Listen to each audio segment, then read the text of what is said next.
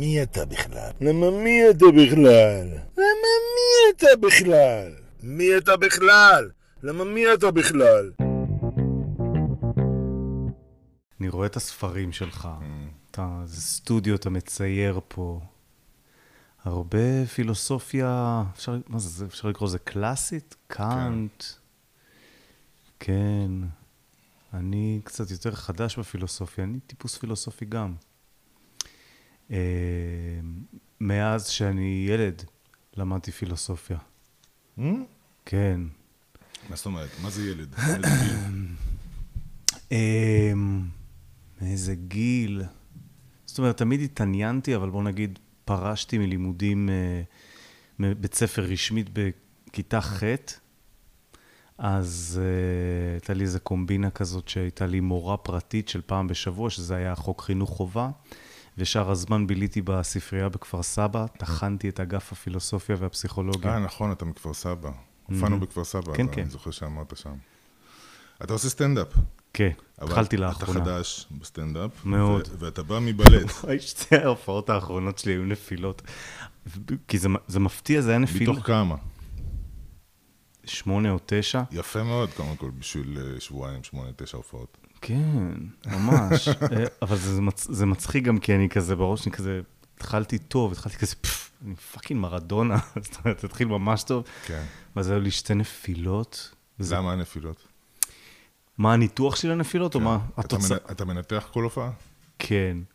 התוצאה הייתה, אתה יודע, I bombed, זאת אומרת, אה, לא היו, לא היו צחקוקים וכאלה. אה, למה? לא, אבל למה? למה לא? אני אגיד לך, אה, אני נפרדתי מבת הזוג שלי לפני שבועיים. די. כן. ואז אה, סיפרתי על זה. אז למה? פעם- למה נפרדנו? כן, זה משהו שאתה יכול לדבר עליו? אה, כן, אני ספר פתוח. אה, למה? אה, איך אני אסביר את זה? סליחה שאני מחטט, לא חייב להיכנס. לא, לא, אין בעיה. לא בריא לנפש להסתיר זה דברים. קשור לסטנדאפ? לא. אה, אוקיי. אה, למה נפרדנו? כי ל- היינו אמורים להתקדם בקשר, ואני, היה יותר מדי פער קצת בין הרצוי למצוי. זאת אומרת, אה, הייתי שם קצת יותר מדי קרבות בשבילי. אני איש של שלום. כמה זמן היה הקשר? שנתיים וחצי. אה, זה רציני. אה, כן. כאילו, זה לא חודשיים. לא, בשבילי וחצי. זה כמו גם איזה 14 שנה, זה כמו שנים של כלב בשבילי. וזה הכי ארוך שלך? הכי, הכי. אה. ו- אבל אתה יודע, אני כבר... הייתה מגניבה כזאת, ראיתי אותה. בן אדם מדהים, יואו, איזה פרידה קשה. לא, באמת, כי זה גם כל הפרידות שלי לפני היו קפריזיות ובעצבים, ו... היא תשמע אותך אומר את זה? בפודקאסט? אם היא תאזין, כן. כן. אין לי, אין לי סודות. יש את המשפט הזה, אני לא זוכר של מי, אולי אתה יודע, אולי מרק טוויין, אבל לא בטוח. תמיד תגיד את האמת ואף פעם לא תצטרך לזכור מה אמרת. כן, אז אני לא... זה. נכון. אמ, אז... אה, אז מרק טוויין, אתה יודע, שהוא הסטנדאפיסט הראשון. כן? כן. לא, לא ידעתי מזה. ידעתי שהיטלר היה הרוקסטאר הראשון, ככה דיוויד באוי אמר, אבל... אה, טוב, לא יודע, אני בטוח שדויד באו התלוצץ. הוא היה על קוק. סביר להניח, זה היה באותה תקופה, הוא אמר את זה. אז... פגשתי אותו. אה, כן? באמת? אה? איך זה היה? כשהתחתנו, אני ורבית, עשינו ירח דבש באיטליה. אז היינו בוונציה. שנה לפני זה הייתי בפסטיבל ונציה על השטיח האדום, עם סרט ששיחקתי בו. אה, יש לי כל מיני ערים אהובות בעולם, ונראה לי אבל מעבר לקטגוריה הזו, זה ונציה. אז ונציה, אבל היא משעממת אם אין שם איזשהו איבנט. אוקיי. למשל, שנה לפני זה הייתי עם פסטיבל קולנוע. מהמם. שנה אחרי זה שחזרנו, אמרתי, אני חייב להראות לרבית, מה זה, מה זה הדבר המדהים הזה שהייתי בו? וריק, אין שם אף אחד, חורף, ואז לא היה לנו מה לעשות, אז אמרתי לה, בואי, שמעתי שיש פה איזה קזינו עתיק. אז אנחנו נכנסנו לקזינו, ואני עם מעיל ארוך כזה וזה, ביקשו מאיתנו את המעילים בכניסה, לקחו את המעילים, והיה שם מין, אה, נו, מדרגות של עלייה כזה, עם חבל כזה שאתה לא יכול לעבור. אז אמרתי לה, כולם מחכים, נחכה. ואנשים מתחילים להתאסף, ואחר כך באה מישהי ומלווה אותנו למעלה, ואנחנו עולים, ורבית אומרת לי, יש פה שמפניה, בא לך? אמרתי לה, תביא. ולידינו, דויד באוי. וואלה. עומד, מנסה להבין באיזה שפה אנחנו מדברים. מתברר, עכשיו היא אומרת לי, יש לו, יש פה מישהו עם עין אחת חומה, עין אחת אה, ירוקה. זה דויד בוי, אני אומר לה, כן. מתברר שהתפלחנו בטעות למסיבה פרטית של דויד, שעשו לדויד וואו. והם חשבו שאנחנו האורחים שלהם. ואחר כך אמרו לנו, אתם רוצים, בואו, אתם מוזמנים לארוחה, היו שם שולחנות וזה, אמרתי לא, לא, די, די, אנחנו רוצים לעלות לקזינו, למעלה. מתברר שהקזינו בקומה השלישית. טוב, זה סיפור ארוך על המפגש היחיד שלנו עם, מדליק. שלפני לא מעריץ 18 גדול. שנה. יש לו איזה חצי אלבום טוב בעיניי. לא, אני אוהב אותו מאוד. בשבילי חצי אלבום טוב. תקשיב, איזה... אה, להשלים את מה שאמרתי קודם לגבי אה, זוגתי, צריך להכניס את הלשעבר, אני עוד לא רגיל לזה. פשוט היה אה, קצת יותר מדי ריבים שם, ואני ממש חשוב לי... מה זה ריבים? תגיד לי, אתה רציני? אני כל יומיים אני בריבים. כן, אבל אה, כמה אתה לא רב? בדרך כלל אתה לא רב? לא, מה, אתה רציני? לא, אין לי ריבים. אף אחד. שום דבר. אז איך אתה חי? וואו, מה זה כיף. מה זה נעים לי בחיים. בשלווה, בשקט? יואו.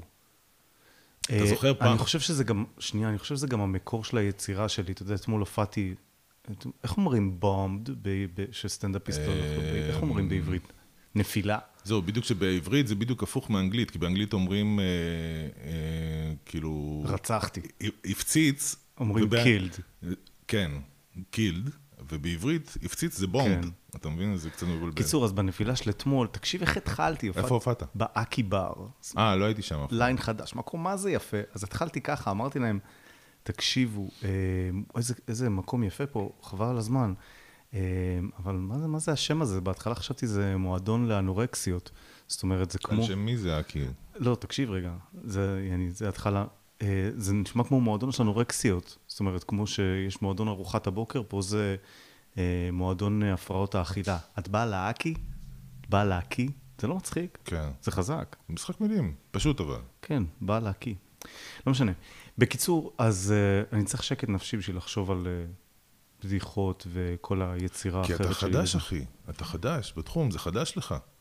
כמה זמן, כמה שיעורים לקח עד שהוצאת רישיון נהיגה? זה, כן, רגיל כזה. זה והיום. אתה חושב על נהיגה?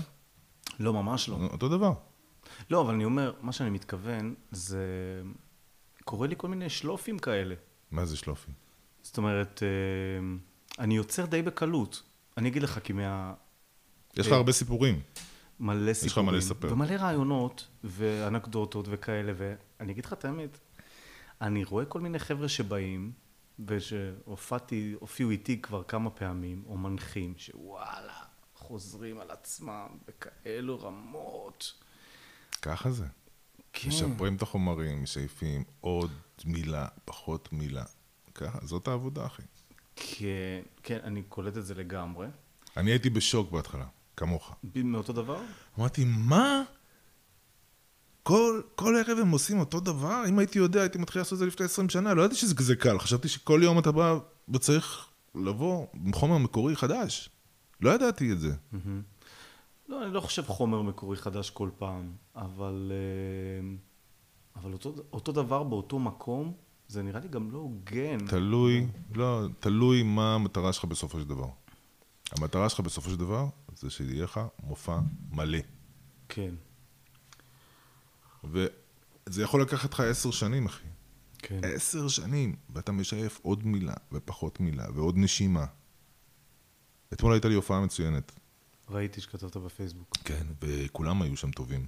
והקהל היה, אחי, בבת איזה ים? קהל, כן. 60 פלוס? מקום הזוי. מקום הזוי, איזה קומה שנייה כזה. היה אסור לדבר גסויות? דיברתי. אתה די נקי אבל. אני די נקי, אבל נקי. אם אני נוגע בגסויות, יש לי נגיעה קצת אה,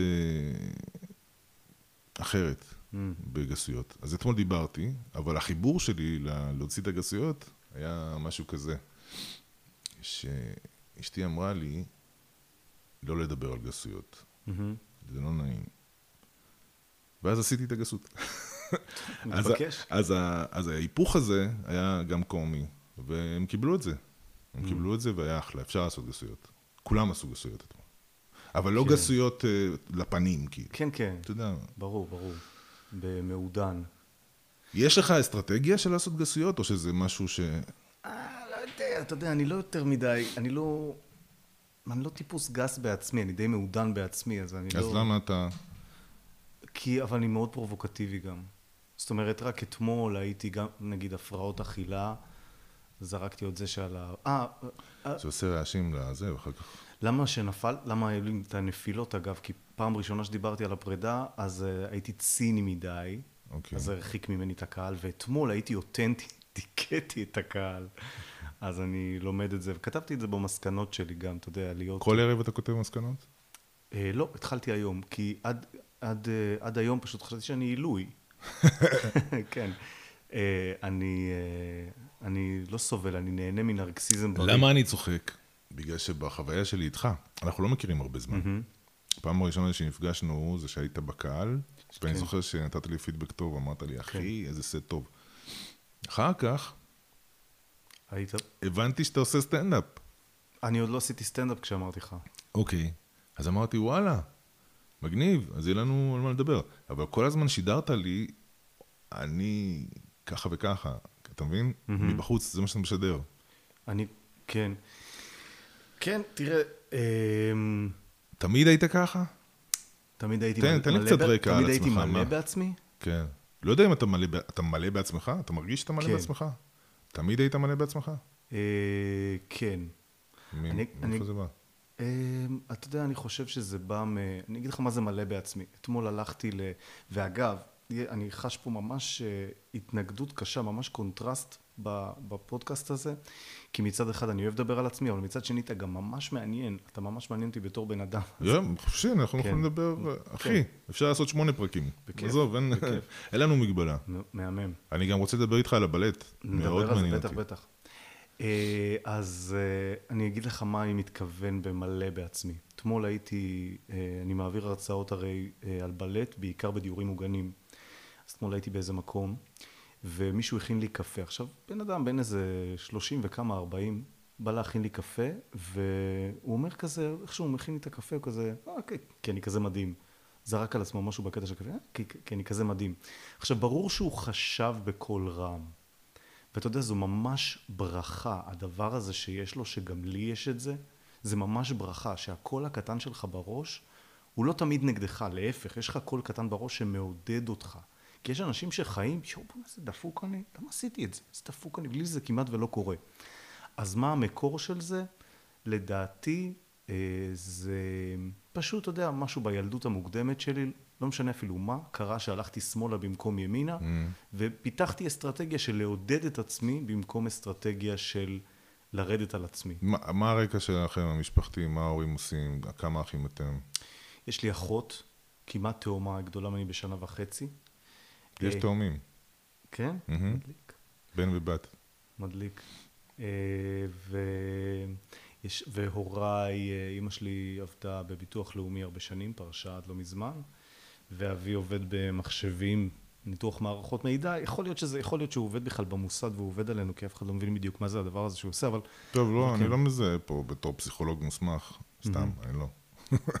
איזה, מאיפה, מה- מה המקור למלאות הזאת? אני תואר ראשון בפסיכולוגיה, וואלה. כן. למה הלכת ללמוד פסיכולוגיה? לנסות להבין את עצמך, כאילו? לא, כי... היית, רצית להיות פסיכולוג? לא, לא רציתי להיות פסיכולוג אף פעם. פשוט, אה, מאז שאני ילד, אמרתי, כדאי שאני אשען על השכל שלי. זאת אומרת, השכל שלי זה, זה הכוח שלי. אז אני חייב תואר. למה? רגע, אמרת שפרשת מבית ספר בכיתה כן, בכיתה ח'. אז איך זה מתחבר עם שכל? או שאתה לא מחבר בית ספר עם שכל? אני לא מחבר בית ספר עם שכל. אה, אנשים עם שכל לא מחברים בית ספר- בית ספר עם שכל. אני, אני אגיד לך מה אני חושב על בית ספר, ואשתי מורה, והיא לא אוהבת את מה שאני אומר, אה, שבית ספר זה בייביסיטר. כן, זה מה שאני אומר בדיוק. עם אדריכלות של כלא. אה, זה ברור שזה מה שזה. אה, למ- למרות שעוד פעם, יש פוטנציאל מסוים, כן? כי את- בית ספר כן מאתגר ילדים, כי זה כמו תואר ראשון שאתה עושה, אז uh, המטרה היא בעיקר לאתגר אותך במשימות גדולות. אתה לא באמת, אתה יודע, אתה לא באמת, uh, אתה מתכוון תואר אקדמאי? כן. מה נגיד... זאת אומרת? אני, התואר הראשון שעשיתי... במה? אה, בקולנוע. מהמם. היה מדהים. טוב, אולי זה סיפור קצת אחר, אבל נגיד, תיקח דוגמה בפסיכולוגיה, זה אפילו לא כלכלה ומינהל. עשית תואר ראשון בפסיכולוגיה שעשיתי בפתוחה, אתה לא באמת יכול לעשות עם זה משהו. ברגע שאתה נהיה מאסטר, כן, תואר שני. כן, אז אתה יכול לעשות דברים מסוימים עם זה. אז התואר הראשון בעצם בא להגדיל אותך, זורק אותך נגיד לעולם הסטטיסטיקה. כן, זו- קודם כל בשנה הראשונה יש הרבה מבואות. כן, אבל זה בא להגדיל אותך. אז אני אומר, בקטע של בית ספר, גם יסודי, גם חטיבה ותיכון, זה, יש לזה כן פוטנציאל להגדיל אותך, כן? אוקיי. את ה, לה, להגדיל את ה... אה,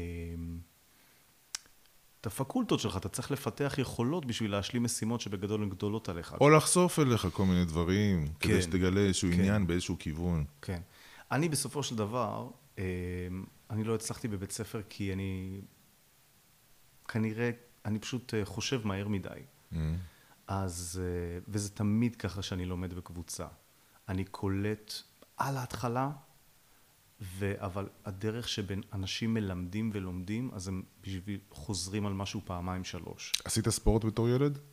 קצת איזה? התרוצצויות, לא משהו... מה? זה כדורגל. אה, כדורגל. קבוצתי. כן, אבל לא יותר מדי. הייתי קצת פנאט, אז כל הזמן הייתי נפצע. Mm. כן. אה, אבל לא, אני את הנעורים שלי העברתי בעיקר בפילוסופיה, פלספות כרונית, למה? מה סקרן אותך? עומק, תמיד מעניין אותי העומק האנושי. אחי, לשם אתה צריך להתחבר בסטנדאפ. כן, כן. זהו, זה... כי אתה סקרן. אתה גם בן אדם, מה שאני מתרשם, אנחנו לא מכירים הרבה, מהמם, שרוצה להביע דעה, מהמם. וגם חשוב לך שישמעו את הדעה שלך. כי הדעה שלך חשובה. אתה מבין? וזהו, זה כיוון מקסים של סטנדאפ, הלוואי ובכלל כל הסטנדאפ ילך לכיוון הזה. תקשיב, סטנדאפ זה דבר fucking מדהים, ואני אגיד לך למה. זה מדהים. כי הדבר אה, הכי מדהים בסטנדאפ, ואני חולה סטנדאפ שנים אגב. אני אני- מאזין להמון, ו... ו... גם, אבל אף פעם לא דמיינתי את עצמי עושה סטנדאפ. כן, גם אני לא. זה קרה, זאת אומרת, רק בגלל, באותה הופעה שהייתי, אז באתי, היה אני לתמוך בחבר, אז כזה עושה את זה, אני כזה, fuck, גם אני יכול לעשות את זה. זה בדיוק מה שאני אמרתי אחרי הופעה, הלכנו להופעה של שחר חסון. Mm, אמרתי, חזרנו הביתה, אמרתי רבית, אני הולך לעשות סטנדאפ. אמרת לי. מה? גדול. אמ, אז אמ, זה לא אומר, אגב, שלא כתבתי והקלטתי ושיננתי את הסט שלי והייתי מאוד מאוד מוכן והכל, אבל... אמ, איפה, איפה הייתי? אה, לגבי סטנדאפ, מה אני כל כך אוהב בזה? זה עבודה, אחת העבודות היחידות אולי, שאני מקבל שכר ממש גבוה כשאני לא עובד. זאת אומרת, רק בלחיות במרחב של סטנדאפיסט. שחושב, לא, אבל אני כל היום חושב על בדיחות, מעולה. וזה אדיר, זה עושה לי כל כך, זה מכניס לי כל כך הרבה הומור לחיים, זה כל כך כיף. נכון? עוד, אתה יודע, אני יכול לעלות על במה and to bomb מבדיחות מצחיקות, אבל פאק את, וזה כואב. אבל זה גם כיף to באגו. Bomb. זה כאילו- גם, אוקיי, יכול להיות. באמת. לא, יש אם בזה- אתה- יש בזה משהו, אחרי אבל- כמה זמן, אחרי כמה זמן, אתה מגיע למקום הזה, שאתה מאפשר את זה לעצמך, וזה מצחיק. מהמם. תקשיב, אני, אני אתן לך דוגמה למה אני מתכוון. אה, אני הלכתי לקנות אה, שמן תינוקות. אין לי תינוק, אבל אתה יודע. למה אתה צריך שמן תינוקות? כי אה, באנו לעשות איזה סשן מסאז'ים נחמד כזה. אוקיי. וזה. בקיצור, אז אני במכולת השכונתית, אה, ולפניי אה, עומדת אה, איזו אישה מבוגרת, אחריי עומדת אישה מבוגרת. ואני כזה מראה לה את השמן תינוקות, אני אומר לה, תקשיבי, תוסיפי את זה לסלט, חבל לך על הזמן. והיא כזה, כן? כן, אבל לא אם את צמחונית, כי את יודעת ממה עושים שמן תינוקות. וזהו, והיה לי קטע, אתה יודע, והיה לי קטע לסט, ואני חוזר ל... ואני חוזר לסשן מסאז'ים, וכל הזמן אני נקרע מצחוק, כי אני חושב, "פפ, שמן תינוקות, שמן תינוקות. ואז אני, ואז אני כזה מנסה להירגע, ואני לא מצליח, כי אני ממשיך לחשוב, "פפ, איפה עושים שמן תינוקות? בבית חולים, בפגייה, בבית קברות של תימנים, אה, אתה יודע, ואני לא יכול להירגע. אז ככה זה, אתה יודע, כל הזמן אני חושב על סטים. אה, איך, איך אתה כותב סטנדאפ? כן, אני, אני, אני יכול להגיד לך שאצלי היחס הוא אחד למאה. אחד למאה בדיחות או קטעים או דברים שאני כותב, רעיונות שאני כותב, מגיע לסט. 99 לפח. או למחסן, שום דבר לא לפח. יכול להיות שמשהו יבשיל עוד שנתיים. אמ, איך אני כותב? אני חושב על רעיון, יש לי רעיון שאני רוצה לדבר עליו, ואז uh, אני בודק מה עושה אותו מצחיק. זאת אומרת, ואז אני מוצא את הנוסחה שזה יצחיק. לא הבנתי. אם אתה עכשיו צריך להסביר לסטנדאפיסט מתחיל איך הוא כותב, יש לך שיטה? לא. אז זה הזמן שאנחנו עוברים לפינה שלנו, סתם. לא, אני אגיד לך, אמ, אני חושב, תראה, אני מתפרנס מבלט בישראל, אוקיי? אני נספר עוד איך הגעתי לזה וזה, אבל הפואנטה היא, אני... אמ, טוב, הנה, הגיע הזמן כנראה לספר על זה. אבל חכה שנייה. כן. יש uh, שלושה ספרים שאני רוצה להמליץ עליהם, ל- ללמוד איך לכתוב סטנדאפ. שני ספרים של ג'ודי קרטר. אחד זה The New Comedy Bible, מהמם. היא מסבירה שם. צריך פשוט לקרוא את זה בלופ. היא נותנת כל מיני כללים, היא לימדה סטנדאפיסטים מהמובילים בעולם. מהמם. והספר השני שלה זה The Message of You, של ג'ודי קרטר, ששם היא מסבירה איך לבנות אה, הרצאה או מופע שלם. מהמם. והספר השלישי זה של, אה, איך קוראים לו, אני לא זוכר את השם הפרטי, רוזנפילד, שנקרא Mastering Stand-up. הוא גם לימד סטנדאפיסטים מובילים בעולם על סטנדאפ. מהמם. זהו, פשוט, אני רציתי להגיד את זה בפודקאסט, כי הרבה שואלים אותי, אז אלה שלושת הספרים שאני ממליץ עליהם. תן לזה, אני אתן לזה צ'אנס. אמ, כן, בלט. כן. אז אמ, הייתי אמ, מלצר בן אה, 18. לא, אמ, לא התגייסתי, זה היה נראה לי רעיון מגוחך. ולמדתי פסיכולוגיה ומלצרתי, והיה לי קשה למלצר. זה היה נורא. ואז הכרתי בן אדם שהמאהבת שלו, הוא היה מבוגר ממני, הייתה לו מאהבת שהייתה מדריכת כושר, ואז אמרתי, "פף, אולי אני יכול לעשות את זה, אני אעבוד במקלטים. ו... להיות מדריך כושר. כן, לשמור על כל מיני לא בהמות. להיות מאהבת. לא, לא להיות מאהבת, לא. למרות שעם הימים גיליתי את היתרונות בזה, אבל אה, כן. יש לי גם על זה קטע, על זה שעכשיו חזרתי לטינדר, חזרתי לשוק, לשוק הנשואות. אבל זה, זה אחר כך. בכל מקרה, אמרתי, אני אלמד אה, הדרכת אה, כושר כדי שאני אוכל לשמור על בהמות בזמן שהם מרימים, אני אלמד פסיכולוגיה יותר טוב מלמלצר. ואז ראיתי כי טוב, כי פתאום התחלתי לעשות אימונים אישיים, אז גם יכולתי לתת מעצמי, גם להרוויח סכומים מדהימים לילד בן 19. ואז... אמ, כל זה בכפר סבא והסביבה? כן, ואז אמ, התחלתי ממש להצליח בתור מאמן אישי, אבל הכסף היה שחור, והשוק היה פרוץ, והסתכלתי כמה שנים קדימה, וידעתי שהולכים להשתלט על זה. אז אמרתי, אני צריך לצאת מזה, כי הסף. כניסה הוא מאוד נמוך, אז כל כן, אחד יכול להיכנס. כן, וזה היה בימים, אתה יודע, לפני 20 שנה. זאת אומרת שאנשים עדיין התביישו לומר רצפת הגן לסגור סוגרים, Mm. כן? אז uh, התחלתי... uh, בן כמה אתה? זה משהו שאתה יכול בן להגיד? 39. אוקיי, אני גדול פתוח. ממך, אני גדול ממך בעשר שנים. קול. אמ, אז uh, התחלתי ללמד קבוצות. Uh, ואז uh, רציתי לשפר את הטכניקה התנועתית שלי, לקחתי שיעורים פרטיים בג'אז. וואלה. ואז הכרתי מורה שלימים חברה מאוד טובה שלי, והייתה אתמול גם כן בסט, בסטנדאפ, אה, והיא לימדה אותי איזה טכניקה כזאת, ואני כזה, "פש, יואו, כזה, לפני השיעור ג'אז עצמו לימדה אותי איזה טכניקה, אני כזה, יואו, מה זה הדבר הזה? זה מדהים. אז היא אומרת לי, אה, זה בלט. כזה, "מ, בלט? עזבי אותי מהג'אז, אני רוצה רק בלט. אה, וזהו, וככה הכרתי את אומנות הבלט. התחלתי לאסוף סרטי בלט, Mhm. ברישניקו וכל מיני יצירות כאלה וזה. לפני 20 שנה? כן. אז היה אינטרנט, או שזה 18 היה. ספריות וידאו כמו האוזן השלישית וכאלה? זה זה היה בערך 18-19 שנה, וזה היה ממש מעט אינטרנט, יוטיוב לא היה חזק אז. היום יש לי את אחד האוספים הגדולים בעולם של סרטי בלט, הרוב ב-DVDs שרכשתי. אוקיי. איפה רוכשים את זה? אמזון, אה, או אוקיי. כל מיני כאלה, כן. אז אה, עכשיו, אני התחלתי ללמד, אני תמיד אהבתי ללמד. התחלתי ללמד כשהייתי בן 12, הייתי מלמד.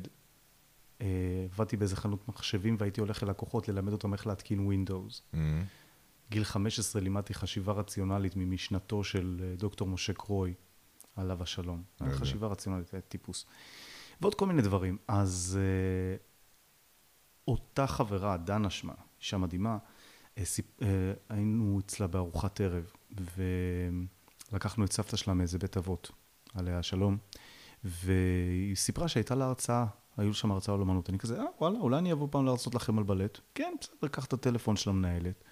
ואז... אה, אבל אתה כבר הבנת בבלט? כי רק התחלת להתעניין בזה.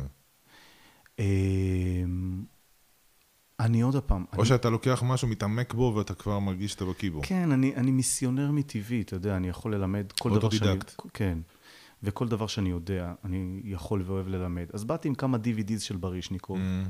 התחלתי להראות ולספר, וראיתי כי טוב, כי סוף סוף קיבלתי כסף אה, על לדבר ולחלוק זאת אומרת, אהבה. מספיק שיש לך ידע יותר מהממוצע, אתה כבר יכול לשתף אותו כן. ולהסביר עליו. אז זה מה שאני, זה מה שאני עושה ממש טוב. אני מנגיש, אוקיי? אני יכול להנגיש חשיבה רציונלית, אני יכול להנגיש בלט. תנגיש לי חשיבה רציונלית. להנ- סליחה שאני עושה לך עכשיו פה טוב, חשיבה- אודישן מאולתר. הכל בסדר. מה זה חשיבה? מה זה להנגיש חשיבה רציונלית? להנגיש חשיבה רציונלית. מה זה חשיבה רציונלית? אמ, שאלה מאוד גדולה, ויכול להיות שיש הגדרה ספציפית למה זה חשיבה רציונלית, אבל זה נג... common sense? רציונל זה common sense? חשיבה רציונלית, אה, לדעתי, לגישתי, זה בעצם איך להשתמש בשכל ובהיגיון ככלי המרכזי של אה, ניווט והצלחה בחיים. מה זה הצלחה? שאלה טובה, הצלחה זה... מי אתה בכלל? מה זה הצלחה? זה זה הכל הצלחה. אותה משפחה, אתה מבין כל ההגדרות האלה. הצלחה אני הייתי מגדיר כהגשמת יעדים. ו... ואז אה, כשאתה מגשים, לא משנה איזה יעד, אתה מצליח. אבל זה הגדרה של, אה, אתה יודע, זה הגדרה של מיינסטרים. למשל, עכשיו אמר, אמרת, שנניח שבסטנדאפ יש לך יעד, אבל אתה נהנה גם מהעשייה עצמה, מזה שאתה מקיף את עצמך באנשים שצוחקים, מההוויה. אז אין פה, אין פה מטרה שהגדרת לעצמך, אבל אתה יכול לציין את זה כ- כהצלחה? עוד פעם, אה, אם, אם אתה מאושר, אתה לא יכול להיות מאושר בלי שבעצם הגשמת איזה יעד. אפילו היעד, אתה יודע, נגיד... אתה מכיר את אה, סולם הערכים של מאסלו? כן. אז מה זה מאושר? ברגע שכיסית ה- את הרבדים של הבסיסיים של הקיום, אז לאט לאט אתה עולה בדרגות, עד שאתה מגיע להגשמה עצמית. מי שמאזיננו לא יודע, אה, מאסלו, סולם הצרכים שלו? עזוב? שיחפשו בוויקיפדיה. אוקיי, אז מאסלו באחרית ימיו דווקא אמר שזה הפוך. כן. כן, כן, כן. כל הגורואים באים ומרצים לך 80 שנה, וביום האחרון שלהם, סתם, סליחה, צחקתי. הצר... הצורך הרוחני הוא הבסיסי הבסיסי. ביותר. אה, אז גם כשאתה יושב ואתה נהנה מהטבע, ואתה חש אושר שהוא כביכול אורגני, אתה בעצם הגשמת משהו. אתה הגשמת אה, להיות רגוע, כן. אוקיי? אז זה סוג של הצלחה. אז בעצם חשיבה רציונלית זה... סבא שלי אמר לי פעם, הוא נפטר מזמן, אה, שאם אתה מדוכא, תסתכל על העלים, מהמם. ותדמיין איזה תהליכים עוברים בתוך העלים. איזה מורכב זה עלה, ואיזה יפה זה הירוק שלו. מעניין. סבא עמוק, עליו השלום. הוא לא היה כזה עמוק, אבל האמירה הזאת הייתה עמוקה, בחוויה שלי. אני הרבה שנים לא הכרתי אותו, כי אנחנו עלינו לארץ והוא נשאר שם. אבל לא משנה. אמ, אני אסגור את הסיפור עם הבלט. רגע, אנחנו במאסלו. אה, במאסלו. בחשיבה הרציונל רציונלית. וזה, כן. זה הכל מתקשר להכל. אין אנחנו. בסוף יבצע קשר בין הסטנדאפ לרציונל, לסולם הערכים של מאסלו ובלט. ועוד. איך, ועוד איך. אז אה, בחשיבה רציונלית זה בעצם אה, לתת לבן אדם את הכלים, זה בעצם להבין גם את התודעה האנושית. יש אה, כללים מסוימים, יש אה, חוקים, התנהגות מסוימת של התודעה האנושית, וכשאתה מבין אותם, אתה יודע לעבוד איתם, אוקיי? אה, לא הבנתי, אבל... אני אתן לך דוגמה. אוקיי. מה זה אומר חוקים לגבי התודעה האנושית והקיום האנושי? אה, אה, יש הרבה פרדוקסים בקיום האנושי בעולם. עכשיו, אחד הפרדוקסים העמוקים ביותר, שמשליך ממש על הרבה מהם, זה שהתודעה היא אינסופית, אבל הגוף הוא סופי. עכשיו, הגוף הוא סופי זה ברור. מה זה אומר התודעה שהיא אינסופית? וזה אגב קטע שעכשיו נזכרתי בו מהוכחות לוגיות בדבר קיומה של הנשמה של דוקטור משה קרוי, ספר שפיצץ אותי. התודעה היא אינסופית בדוגמה פשוטה. אם התודעה, למשל, אם אתה חושב על זה שאתה חושב, אז עכשיו חשבת על זה שאתה חושב על זה שאתה חושב, mm-hmm. ועכשיו זה כפול ארבע וחמש וכולי. זאת אומרת, תודעה מטבעה היא אינסופית. Mm-hmm. ויש לנו אז התנגשות פה, קונטרסט, בין הגוף, הסופ... בין הגוף הסופי לתודעה האינסופית. ועכשיו, איך זה בא לידי ביטוי בחיים, כן? זה יכול להביא לייאוש. איך זה יכול להביא לייאוש? שאתה אומר, התודעה היא כל כך אינסופית, שאין לי מה לחיות. בדיוק. עכשיו, אנשים... אלבר קאמי. הש... למשל. אלבר קאמי, אתה יודע מה הוא אמר? האקזיסטנציאליסט. כן. בדיוק שמעתי. אני מגדיר את עצמי אקזיסטנציאליסט. אוקיי. ואלבר קאמי אמר שכל מה שנשאר לאדם להוכיח זה למה לא להתאבד. בדיוק בדרך לפה שמעתי סיפורים קצרים של בוקאוסקי. אתה אוהב בוקאוסקי? בטח. אנחנו קוראים לו בישראל בוקובסקי. אוקיי. אני... יש לי פה ספר שלו, אני חושב, מאחוריי. איזה? רגע.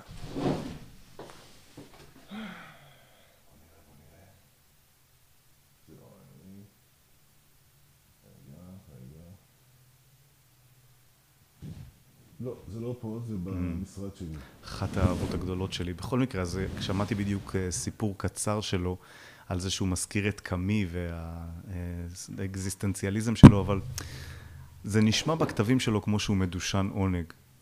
אפשר לשמוע שהוא, ארוח, שהוא אכל ארוחת סטייק טובה וכך וכך, לא משנה. הוא היה מדושן מכל מיני דברים, אחי. כן. הוא גם היה מסטול הרבה פעמים ורוב הזמן. כן.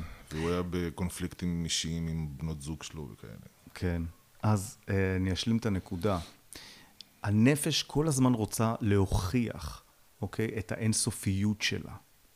ובגלל זה שגרה באה כל כך רע לאנשים, כי שגרה מאמתת עם הסופיות של הגוף, שאנחנו לא יכולים... אני אה... מת על שגרה. שגרה זה החופש שלי. Mm-hmm. איך אתה מרגיש עם שגרה? שגרה זה מונח קצת בעייתי, כי חלק מהשגרה שלי זה גם לעשות דברים חדשים, נגיד כמו סטנדאפ. אתה יודע, לפני שנה למדתי פיתוח קול, שנה לפני כן למדתי רוסית.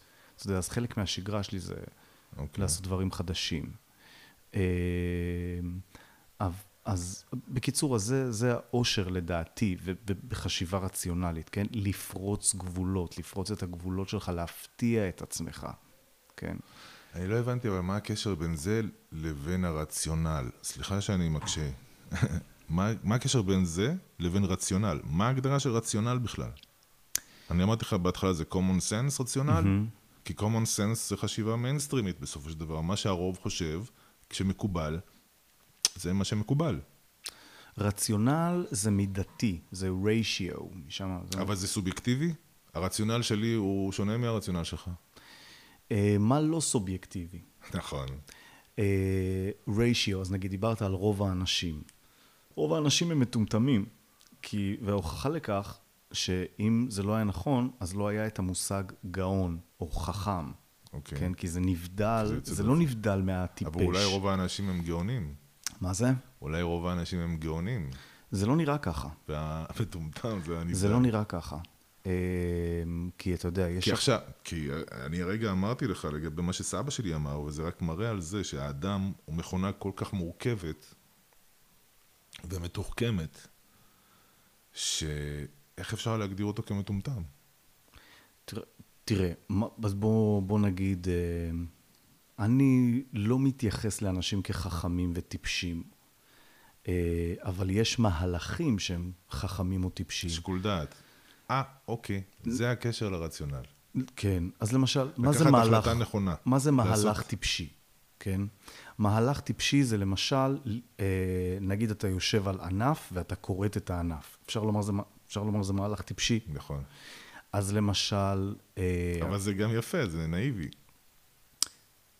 כאילו זה כן, מטורף. אתה, יכול להתייחס, אפשר להתייחס. כן, אפשר להתייחס לזה באופן רומנטי, פואטי, יפה, אתה יודע, כן. אבל בסופו של דבר זה מהלך טיפשי, כי כן. עכשיו אין לך איפה לשבת. נכון, ונגיד, אין לך מתחת דשא, יש לך אש. כן. אוקיי, אז בואו ניתן דוגמה למהלך כזה. אוקיי? כי אנשים עושים דברים טיפשיים. אני אבל עושה רגע. רגע, שנייה. אנחנו מדברים על סטנדאפ ועל קומדיה, אוקיי? בעיניי, מה שאני למדתי בתסריטאות למשל, שקומדיה נוצרת כשיש פער בין המציאות לבין מה שאתה כותב. מהמם, זה נקרא פער קומי. כן. הדוגמה הזאת היא שהוא כורת את הענף. אם אתה מסתכל על זה בצורה, אם, אם, זה, אם אתה מסתכל על זה כקומדיה, אתה אומר, וואלה, זה מצחיק. כי איזה מפגר. הוא כורת את הכנף והוא נופל. אז מה ההבדל בין קומי לטרגי? שההבדל הוא מאוד מאוד דק נכון. בין קומדיה לטרגדיה. וההבדל הוא... אה, שהטרגדיה נגמרת בסוף לא טוב, והקומדיה נגמרת בסוף טוב. בסופו של דבר הוא לא נופל לאש ומת. הוא בדיוק. פשוט חוטף קביעה ואומר, איזה קטעים. כן, אה, ואז הקומדיה בעצם גורמת לך להרגיש טוב, כי אתה קולט, וואו, הוא יכל למות נכון. והוא לא מת. נכון. איזה, איזה כמה אני שמח בחלקי. אבל בוא, אז מה זה בעצם, לכר... מה זה בעצם אה, לכ- לקרות? לכרות את הענף שאתה יושב עליו. כן, אז למשל, אה, התא הגאה בליכוד, התא הגאה בעוצמה יהודית. ידעת גאה- שיש תא גאה בעוצמה יהודית? לא. כן. אבל גם בצופים יש תגים. תאים גאים, אתה מתכוון. מה זאת אומרת? תא גאה, הכוונה בתא גאה, זה, אה, כך זה נקרא, זה מחלקה בפעילי ליכוד שהם גייז. אה, לא, חשבתי כל מיני לא, לא, לא סמלים, תג, לא סמלים תג, שהם תולים על עצמם. אז נגיד מחלקה של פעילי עוצמה יהודית שהם גייז, אוקיי? אותו דבר בליכוד וכאלו. אז זה למשל מהלך טיפשי. כי אם אתה מסתכל צעד קדימה, אתה יושב על עץ ואתה מתנדנד ככה, כי כיף לך. אבל אוקיי. אתה יודע, זה כיף. וזה נראה לך, אתה יודע, שזה גם משחרר לך את העמוד שדרה בתנודתיות. אבל אם אתה מסתכל כמה צעדים קדימה, אתה יודע שאתה, שאתה תיפול לאש. כן. אוקיי? אז אה, זה למשל מהלך טיפשי. אה, ויש אנשים... אבל זה, אם אני מבין את זה נכון, זה מהלך אסטרטגי. למשל, אמיר אוחנה, שהוא גיי, במפלגה כמו הליכוד, שיושבת עם ש"ס ועם... אה, אה, אני אומר פה את הדעה, את הדעה שלי, כן? אה, זאת אומרת, האוכ- האוכלוסייה הגיעה, חלק מהם, הרבה מאוד חברים שלי, מקבלים את זה כמשהו שמכשיר אותם כביכול. אתה מבין? אבל בשביל הליכוד, לדעתי, זה סוג של עלה תאנה כזה. ברור. אתה מבין? כן. שזה בדיוק, האסטרטגיה שלהם בדיוק הפוכה. כן, ואמיר אוחנה, אם אתה... אה, משהו שקראתי שהוא אמר, שבאו ופנו, אמרו לו מהקהילה הגאה, למה אתה לא תומך בנו? למה אתה לא עושה את זה? אז אה, הוא ענה, אני לא נבחרתי, אני נבחרתי מהתא הגאה בליכוד. איזו אמירה מטומטמת. אני נבחרתי מהתא הגאה בליכוד, אבל אני לא עבור זה, אני עבור הליכוד, אוקיי? אז בקיצור, אבל... זה, זה לא לכרות את הענף שאתה יושב עליו, כאילו? זה הזוי. מה זה אני לא נבחרתי, אבל אתה מתוך אה, ה- ה- הקיום שלך, אתה מייצג איזשהו ציבור. כן, אתה יודע, חלק מה... אתה יודע, אתה יכול לפרש את זה כצביעות. כן. אה, זה כמו, זה כמו שעכשיו, אה, סליחה, על גל גדות, או כל שחקן מפורסם בהוליווד, אה, אני לא נבחר, אני לא שחקנית כדי לייצג את ישראל, אבל את ישראלית, באופן טבעי את מייצגת את ישראל. לא, זה לא אותו דבר. למה לא? כי אף אחד, כי מפיק אה, בחר בגל גדות להופיע בסרט. אבל אנשים בחרו באוחנה שייצג את הדעות שלהם. לא, אבל הוא העמיד את עצמו לבחירה. אבל בחרו בו. כן, אבל הוא העמיד את... ואנשים, הוא הסכים לבחירה הזאת. הציבור בחר בו. מראש, מראש הוא אמר, אני מבין את כל מכלול הקונוטציות שאני מייצג. אני מעמיד את עצמי לבחירה. הציבור בחר בו. אתה לא יכול להתעלם מה, מה, מהדברים שאליהם מקשרים אותך. האדם הוא... אני, אני רק, אני פשוט אומר שזה לא, שאתה יודע, שזה מסחרי וזה ציבורי. זה כן. אז אני לא חושב ש... כן. אז אני לא חושב, אתה יודע, אולי תגיד ספורטאי. כי אם ספורטאי מקבל מימון מהמדינה, אז במידה מסוימת הוא מייצג את המדינה. אבל אומן שלא מקבל מימון ממדינה, כמו למשל גל גדות שאמרת, אז זה לא, בעיניי לא לאו דווקא דבר. גל גדות, זה יכול להיות אה, אלון אבוטבול. זה כל, כל שחקן אחר. כן, אם הוא, אם, הוא, אם הוא אומר שהוא ישראלי, אז לבריאות שיהיה ישראלי, אבל אם לא, אני פשוט לא רואה את הקשר בין ה... לא רואה את הקשר או במאים, במאים. אה, לא, זה, זה אומנות, אתה יודע, זה אומנות, וזה לא... אם לא קיבלת מימון מהמדינה או תמיכה ציבורית, אתה יכול לעשות מה שבא לך, ואתה לא לזה- אתה פשוט- לא מייצג כלום. בעיניי, אתה לא, לא, לא... אתה יכול להכריז, להצהיר על עצמך שאתה מייצג, אבל אתה לא בהכרח... אתה לא כבול לייצוגים. אה, אי אפשר, מסוימים. אי אפשר להלביש עליך, אבל מי, עוד פעם, מי שקיבל מימון, אפשר לגמרי להגיד, זה ישראלי. עכשיו, הדוגמה שנתתי עם התאים הגאים, אה, זה פשוט דוגמה למהלכים שהם טיפשיים. עכשיו, בעיני- בעיניי, כי עוד פעם, כי דבר טיפשי זה שאתה פוגע בעצמך, אוקיי? אה, עכשיו, אה, זה טרגי גם. כן, אין אנשים טיפשיים. אין אנשים טיפשים בעיניי. אה, אבל יש מהלכים טיפשיים, ויש... להגיד ו- שיש אנשים טיפשים, או שרוב האנשים הם טיפשים, זה התנסות. עכשיו, זה, זה לא בעיה... היה איזה פעם שאמרתי לאבא שלי שיש איזה מישהו שהוא מתנשא, ואני לא אוהב את זה. הוא אומר לי, מה אכפת לך אם הוא מתנשא? זה מה שגורם לו לאושר. אה, כן, זה...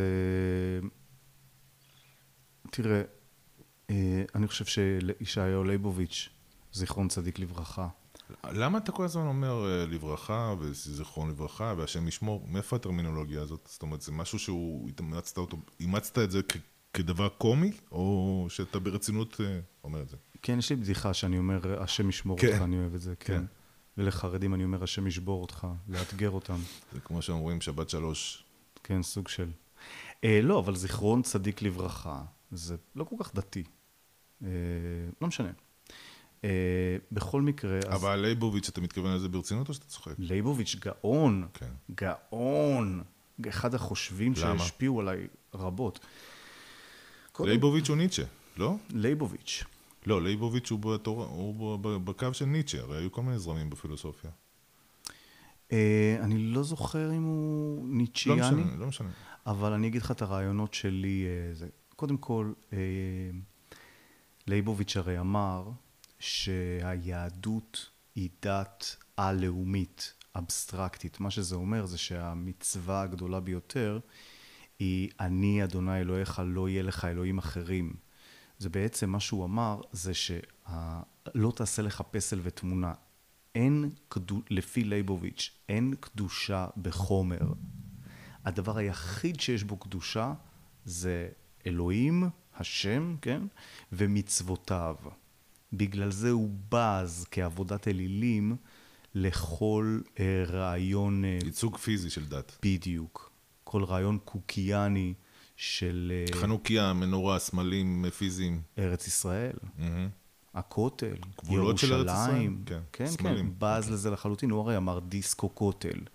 על, זאת אה, אומרת, היהדות היא בלב, היא לא בפיזיות. וככה זו הייתה, ה... אה, וזה מה שהחזיק. וזה מה ששמר על היהדות, בדיוק. לאורך אלפי שהיא שנים. על-לאומית, וזה שונה לחלוטין מכל מה שהולך כיום. מעניין. והוא זה שאתה יודע, חזה בדיוק את מה שקורה עכשיו באובדן ה... שאין ערכים בישראל, שכל הערכים לפחות משניים בישראל, ביחס לאהבת המולדת והארץ וקידוש הארץ, וכן, אתה יודע, אומרים שברגע שאתה מצלם פיל, זה כבר לא פיל, זה תמונה של פיל. מהמם.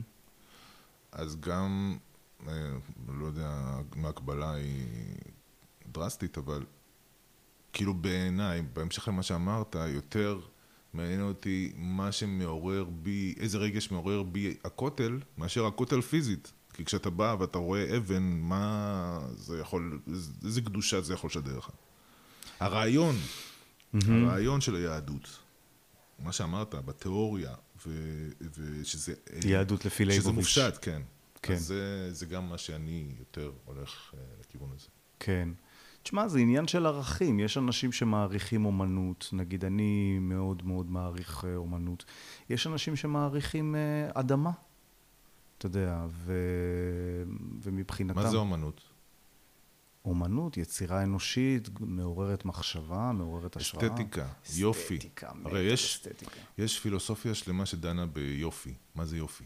מה, איזה פילוסופיה? פילוסופיה אסתטית? וואו, זה, זה הפילוסופים ה- ה- הקדומים ביותר שהתחילו לדון במאיפה החיים נוצרו, שחלק אמרו ממים, חלק אמרו מאוויר, אני לא, לא, לא אכנס לזה, אבל שבן אדם יודע לזהות, להעריך ולאהוב יופי, זה מדהים. אמ, אני אה, מעריץ גדול מאוד של אוסקר ויילד. אה, באופן ספציפי, כמה אני שמח שחברה הכירה לי את אה, תמונתו של דוריאן גריי. וזה המניפסט, אחד הגדולים, אני אצטט לך משם חלק, קטע שיש לי שמור בפלאפון. אה, אחד המניפסטים הגדולים על אסתטיקה והפילוסופיה הדנדיסטית, אפשר לקרוא לזה, אה, שלו כל כך פרובוקטיבית הייתה בסוף המאה ה-19, תחילת המאה ה-20, ב- בלונדון השמרנית. מה זה דנדיסטי? דנדיזם, תכף אני גם, אה, אני אגדיר לך את זה לפי... דנדיזם זה מין תנועה פילוסופית, אופנתית, אפשר לומר, בסוף המאה ה-19-20, בעיקר של גברים במערב אירופה, בלונדון, מאוד מאוד אה, מגונדרנים. אפשר לומר על מישהו שהוא דנדי, אז בעצם הוא אממ, מאוד, הבנתי, הבנתי, הבנתי. אז הוא מאוד מגונדר. אז, קרוקודיל דנדי זה קשור? או שזה לא, לא סתם חושב, שימוש לא. בשם? אז אה, אני רואה אותך מגונדר. אני לגמרי דנדיסט, כן. ממתי זה? תמיד? או שהיה איזושהי נקודה שאמרת, וואלה, בא לי להיות כזה, זה קול. אמ, זה בא משפע. אה, לא, אבל מאיזה תמיד, גיל? תמיד, מתי זה התחיל? לא יודע, אהבתי דברים יפים גם נראה לי בתור נער, אבל כשגם בגרתי והתחלתי להתמודד עם אה, חוסר המשמעות הקיומית, כי באיזשהו שלב אתה נגיד ש... תראה, בכיתה ג' המורה אמרה שאני משוגע.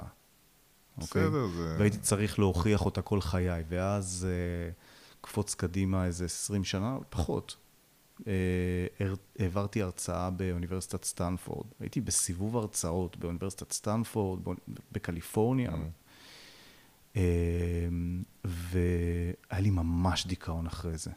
ממש. למה? כי אתה יודע, ניצחתי את, הז... ניצחתי את הזהות שלי בעצם, ניצחתי את המשחק, הוכחתי למורה שלי בכיתה ג'.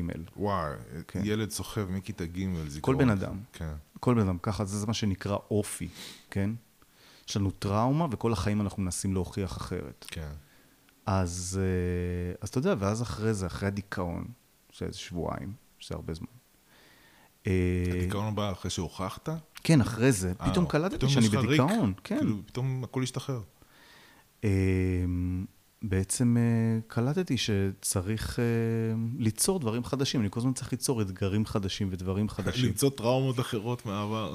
אולי, אולי זה... שצריך לפתור. אולי זה זה. אז, אה, אז מה אני עושה? אז מה אני עושה גם עם החיים? אז אתה יודע, נהנה מהיופי. אני... אתה עכשיו לובש חליפה צהובה. כן. כמו בסרטים של, של ברוסלי ושל קיל ביל. כמו, אתה זוכר את, ה... את מה היא לבשה? אומה אומה טורמן, כן, כן. החליפה הצהובה, דום, כן, קצת דומה. אני בדיוק הפוך. מהמם. יותר חשוב לי נוח, פשוט, לא שונה, לא מגונדר, להפך, אני מתרחק מזה. מהמם.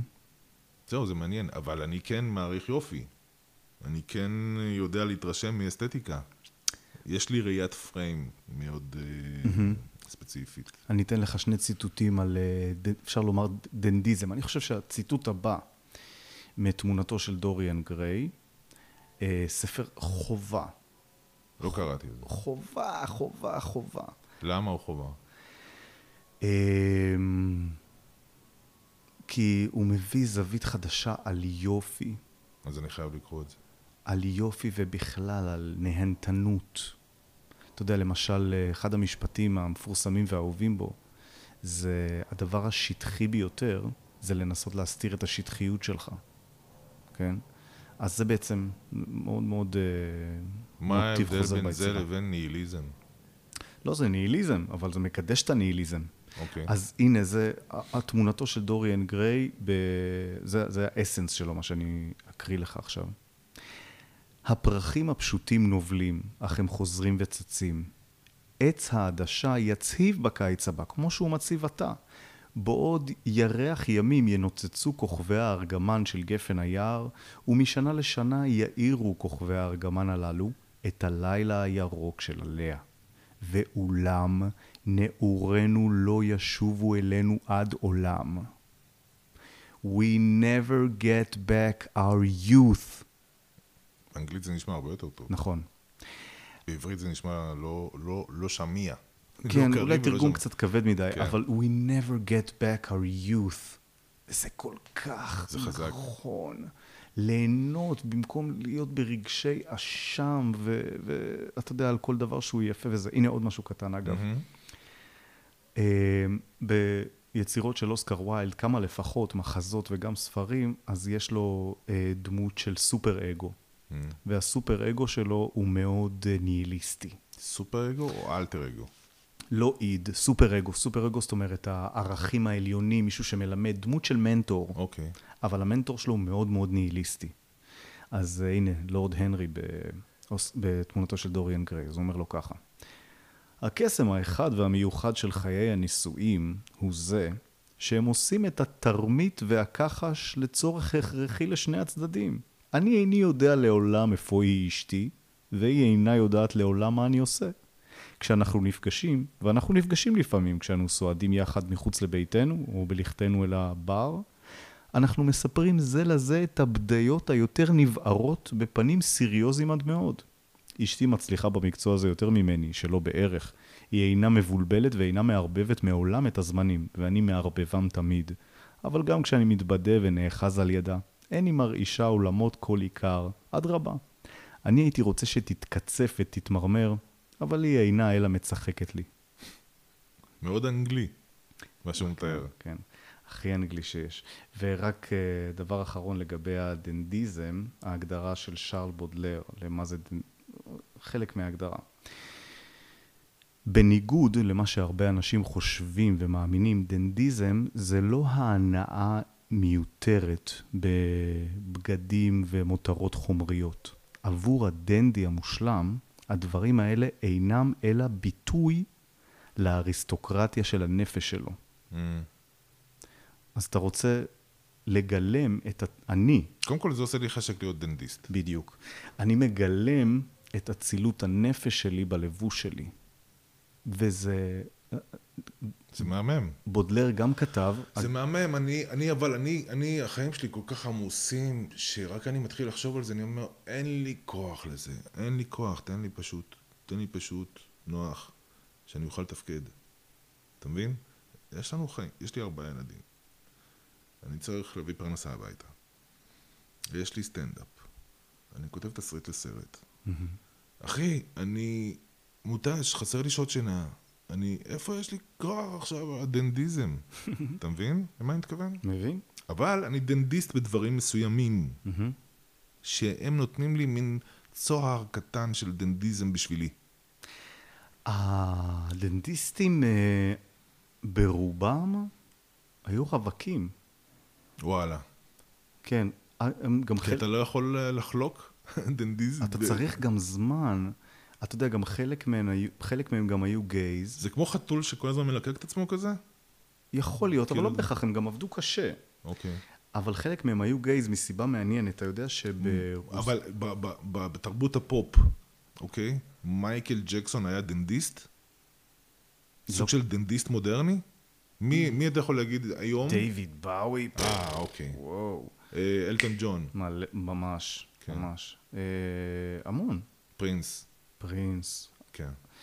אה, אז אה, רציתי לומר משהו. אה, אה, כן, אתה יודע שברוסיה למדתי מאיזו חברה מפעם, שהיו קוראים לגיי, זה הביטוי אליהם, דם כחול.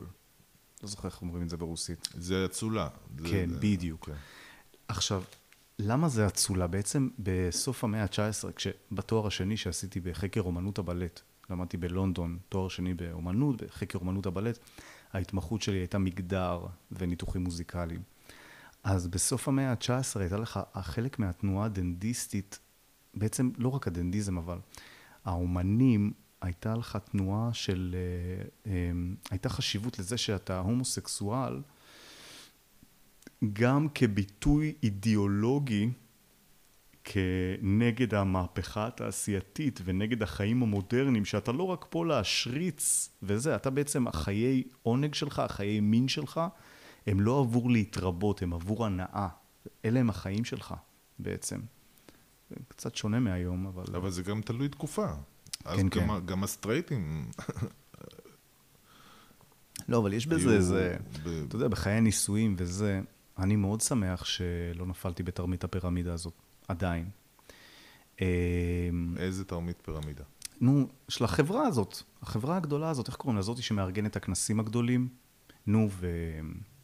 שאתה מזמין את המשפחה, את החברים, אתה מנסה גם לשכנע אותם לשכנע להצטרף. אותם מה? להצטרף. להצטרף למה? לחברה הזאת, נו, איך קוראים לתרמית פירמידה הזאת?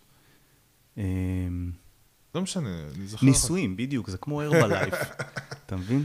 יש לך פה ביט לסטנדאפ. עשיתי את זה אתמול. כן? כן, זה בדיוק, זה בדיוק כמו הרבלייף, ו- וגם יש לך את החבר הזה שלפני מנסה להגיד לך, אבל יש קשר שתיקה, אז הוא כזה אומר לך בשקט, אחי, לא כזה משהו. אז, אה, אז ככה, אה, אני הייתי אמור להתחתן, הייתי, הייתי מאורס פעם אחת, אבל וכמה זמן? כשהייתי בן, לפני תשע שנים, אוקיי. כשהייתי בן שלושים, וביטלתי את זה. אה, זה היה קשה והייתי מגעיל. אני נפרדתי מאותה חברה באישה, זאת אומרת, בחורה, אישה נהדרת, באמת. אבל נפרדתי ממנה כמו מניאק, בשיטת ההתשה, פשוט התשתי אותה. לאורך כמה זמן? כמה חודשים? אני, אני מיד חותך. לא, לא היה לי אומץ. אני לא הייתי, מושך. הייתי, הייתי, הייתי אפס מגעיל בקטע הזה. זאת הסיבה שהקשרים הכי ארוכים שהיו לי לפני שהכרתי את אשתי, היו, הקשר הכי ארוך היה לי שמונה חודשים. Mm. ואני נשוי כבר 18 שנה. מדהים. אני חושב שאני גם במקום הזה. אני הכרתי את אה, זוגתי האחרונה אה, כשהייתי אלכוהוליסט. היית אלכוהוליסט?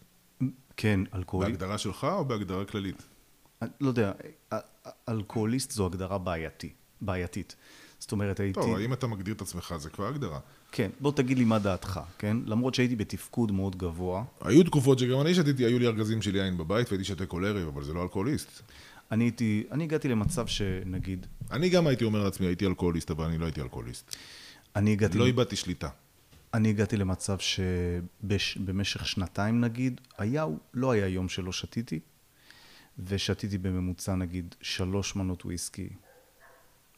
כן. אבל איבדת הכרה? בממוצע. היית, היית, איבדת שליטה? הנה העניין, שהייתי very very highly functional. זאת אומרת, אף פעם לא... אה, אוקיי. שיא השטות שלי, היית אבל תלוי בזה? היית מכור? אה, המספרים... אם לא היית שותה, היית מרגיש רע? לא מבחינת פשוט רצון. לא הייתי במצב שלא הייתי שותה. כן, אבל אם לא היית שותה, אבל זה לא היה קורה, למה שאני לא אשתה? אתה יודע מה, אין בר בסביבה, אני לא יכול לקנות אוקיי. וויסקי הביתה. אוקיי. אני בהגדרה שלי זה לא אלכוהוליסט. זה מישהו שנהנה, נהנתן, לא, לא שנהנה נהניתי. לשתות יין. אבל אתה יודע, זה... שהוא חושב, דנדיסט, שהוא התמ- חושב שזה... כן, אבל זו התמכרות שמשתה בך, זה גם שטיפת מוח תרבותית, חברתית, שיווקית. זאת אומרת, אתה לא שם לב לסבל שיש לך, למשל, ב, אוקיי, איך אני מגיע לתל אביב היום אם אני, אם אני שותה? מתי אני אשתה? אני צריך מישהו שינהג, אני צריך לחזור הביתה דרך מקום שאין משטרות, הדברים הקטנים. אחי, הבת שלי הגדולה, בת 16 עוד מעט, ואני מת מפחד. מת מפחד. אני זוכר את עצמי שהייתי שותה וחוזר, נוהג הביתה, כל 100 מטר הייתי עוצר להקיא. מהמם, וואו. לא ראיתי את הכביש. הייתי מחליף מסלולים מהמסלול הימני לשמאלי, חמישה מסלולים, לא הבנתי איך הגעתי לשם. וחס וחלילה אני לא רוצה אפילו לחשוב על זה אם הילדים שלי יגיעו למצב כזה. לא היו לי הרבה מצבים כאלה. אחד, שתיים, אבל האחד, שתיים האלה יכלו לגמור לי את החיים. קולט אותך, אני יכול אולי לתת לך טיפ. אולי הוא יעזור, אולי לא. וזאת הייתה תקופה אחרת גם, הייתי אז צעיר, והמודעות הייתה אחרת. נכון. אני חושב, אה, אפרופו חשיבה רציונלית, אה, לא אני אמרתי כמובן, אה, מקור התשוקה באיסור. נכון. אם אתה רוצה שהבת שלך לא תעשה שטויות, תרשה לה לעשות את השטויות האלה. לא, אני... התקשורת שלי עם הבת שלי מאוד... אה, מעולה. אה, אתה יודע, אנחנו, אתה אולי, אתה אולי, אני בטוח, עשיתי את אבל זה גם לא צריך להיות, אתה צודק, לא צריך להיות בקיצון. למשל, אם אתה יותר מדי משוחרר, אז אחר כך הילדים יבואו אליך ויגידו לך, למה, נתת, למה, למה היית כל כך משוחרר? אני רציתי שאתה תהיה אבא ותציב לי גבולות. אתה מבין? יכול להיות. ואני חייב להודות שחלק מהצביעות הגדולה ביותר בי, שאני יכול לפתוח אה, פודקאסט להורות נכונה. אבל אתה לא הורה, אז אתה לא נכון, יכול- לי ילדים, אתה יודע, אני נותן עצות ודופק להם, מה אתה עושה? כן. זה גועל נפש, גועל נפש של בן אדם. ואתה מדמיין את עצמך הורה? אז הנה, התחלתי לומר שכשהכרתי את זוגתי האחרונה, אז הייתי אלכוהוליסט מיזנטרופ, והייתי כל כך נגד כל הקונספט הזה של אה, זוגיות וילדים. ואחרי שנתיים וחצי, או, אני חייב להגיד לך, אני מת להיות אבא. וואי, אחי, זה... זה... היא מה זה ריפאה אותי בתור, מה זה ריפאה אותי זה בתור בן הדבר אדם? הכי מדהים בעולם. אני בטוח. אין, באמת. ועכשיו יש לי כמה חברים בסטנדאפ שנולדו להם ילדים, והם גם אומרים, זה לא מספיק שאומרים לך את זה, את- עד שאתה חווה את זה בעצמך. וואו, זאת היצירה הכי טובה שאתה יכול ליצור. ממש בא לי. ואם אתה גם בן אדם טוב, אז להפך, אם אתה לא יוצר את הילדים האלה, אתה בעצם מונע מהם את הטוב שבך. כן, ג'ו רוגן אמר את זה עם, אה, בשיחה עם דייב שאפל. דיברו על ילדים וזה, אז ג'ו רוגן אמר, תקשיב, אני חושב שאנשים טובים חייבים להביא ילדים. כן. מוכרחים להביא ילדים. אני רוצה אה, לחזור רגע אחורה. בבקשה. הבנתי מה זה דנדיזם, ותודה על זה, אחי. יש מצב שבפוטנציאל, יום אחד אני אהיה דנדיסט. אני ואם לא בחיים, אז לפחות בסטנדאפ. אולי אני אעשה כי גם... כרגע צורת ההופעה שלי בסטנדאפ מאוד מרושלת. אולי אני אתחיל פיזית. לעשות קואוצ'ינג לדנדיזם, אגב, זה משהו ש... יאללה, מדהים. זה. אבל מה זה ניהיליזם? הייתה לי פעם מישהי שאמרה לי שאני ניהיליסט. או יכול להיות שהייתי ניהיליסט, ואני היום, היום לא ניהיליסט? מה זה ניהיליזם? ג'יימי, תוציא לנו את ה... אין בעיה, תציץ בוויקיפדיה. כן, בוא. נסתכל רגע. זה- אני לא מצאתי הגדרה נכונה שהיא שכנעה אותי. בוא נראה מה אומר, בוא נראה מה אומר ויקיפדיה.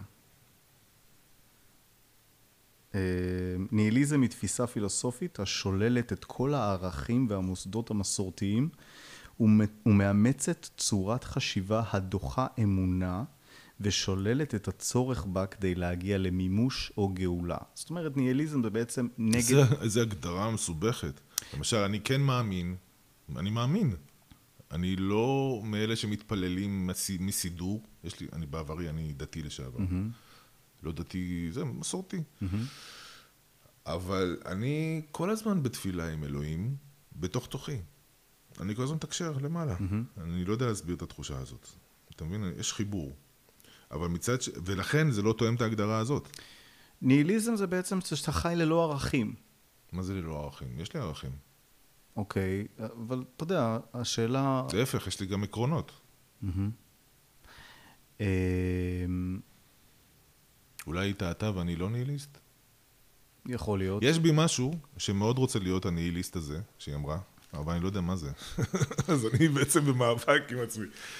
אני חושב שאני אוהב ניהיליזם שהוא גמיש. אוקיי, זאת, זאת, יפה. אומרת, זאת אומרת, אני יכול, יש לי ערכים, אבל ככה אני יכול לשנות אותם. תן לי, תן לי. ערך יותר טוב משלי ואני שם. המילה. גמיש פה שינתה את הכל. אני רוצה להיות דנדיסט גמיש גם, וניהיליסט גמיש, וגם סטנדאפיסט גמיש. תקשיב, דנדיזם, אמר בודלר, זה ניצוץ הגבורה האחרון בעידן המודרני. כשאני עולה להופיע, וראית איך אני עולה להופיע, כן. ככה אני, בחליפת שלושה חלקים. מדהים. וזה- אבא שלי ככה. וואו. אבא שלי כל הזמן עם עניבה. אבא שלי רופא. אני אה, נולדתי ברוסיה, מהמם. אבל ההורים שלי הם גיאורגים. כן. אבא שלי היה רקדן בבלט הגיאורגי ששלחתי לך. וואלה. 12 שנה, מדהים. איפה הוריך גרים? באשדוד. והוא רוקד מדהים. היום כבר פחות, כי הוא התבגר כבר וזה. אבל אני תמיד הסתכלתי עליו ואמרתי, אני גם רוקד, אבל לא ברמה הזאת. ריקוד גיאורגי הוא מאוד יפה. אמרתי לך שההתמחות שלי גם מגדר. אז זה כל כך מעניין תרבויות שזה גברי לרקוד, שיש ריקודים גבריים כמו גיאורגי, כמו... זה לא רק גברי, זה גם נשי. ברור, אבל, שם. אבל יש גם גברי, זאת אומרת, זה מאוד גברי. נגיד גם ארמני, יווני, נכון. זה מאוד מאוד יפה. זה בא מאותה משפחה. גם התלבושות וה, וה, והחיים בכפרים. למשל, הריקוד הגיאורגי... נוצרים גם, כן. הנוצרים מפותחים, תקשיב, יכולים לתת לגברים לרקוד בכיף, תהנו. אלה אומות מאוד נוצריות, גם היוונים, נכון. הארמנים וה- והגיאורגים. וחלק מטורקיה גם. נכון. אה, הריקוד הגיאורגי, שאני עכשיו כותב תסריט, ובסרט שלי יהיה... זה הרקע שלו, הריקוד הגיאורגי. וואו. שהוא מדהים. אה, הריקוד הגיאורגי, לפי מה שאני הצ- הצלחתי ללמוד באופן עצמאי, הוא נולד מתוך הקרבות שהיו בין הכפרים. וואלה. זאת אומרת, הוא מבטא מלחמה. ובגלל זה יש בו חרבות וסכינים ותנועות אה, חדות אה, של קרבות. אבל כשיש נוכחות של נשית בריקוד, אז הריקוד מתעדן. וואו. ויש מין שרטוט כזה של... יכול להיות שזה באמת בא בקטע של לספר סיפור. אתה יודע, לספר את הסיפורים של כן, הקרבות כן, בתנועה, במחול. נכון. וזה מדהים. עכשיו, יש שתי אסכולות של ריקוד גיאורגי. יש את האסכולה הישנה, שהיא יותר קלאסית, יותר מקובעת פיזית, ואת הסרטון ששלחתי לך שהוא יותר מודרני. ויש קונפליקט בין שתי הזרמים האלה, כי אבא שלי למשל מאוד אוהב את הקלאסי. אני רוצה להגיד לך שגם אני מאוד אוהב את הקלאסי. את הקלאסי, לא את המודרני. שלח לי את הקלאסי. אני אשלח לך. אה, ורוב, הדבר האחרון לגבי הדבר הזה, שהדבר הכי מסובך והכי אה, גם יפה בריקוד הגיאורגי זה הרגליים. כי רוב הריקוד מתבצע דרך הרגליים. זאת אומרת, בתנועת רגליים. כן. דומה לאירי. נכון, ה Riverdance וכאלה. עכשיו, בואו נעבור לבלט. דבר אליי. אם, אם באנו לבלט מהצד ההפוך, חשבתי שאנחנו נגיע לריקוד הגיאורגי דרך הבלט, אבל הגענו לבלט דרך... ה- מה? מה זה בלט? איך, איך, איך אתה מתאהב בדבר כזה? אה, הגעת לזה, ממה שסיפרת. משם לאן הלכת? איך הגעת ללונדון?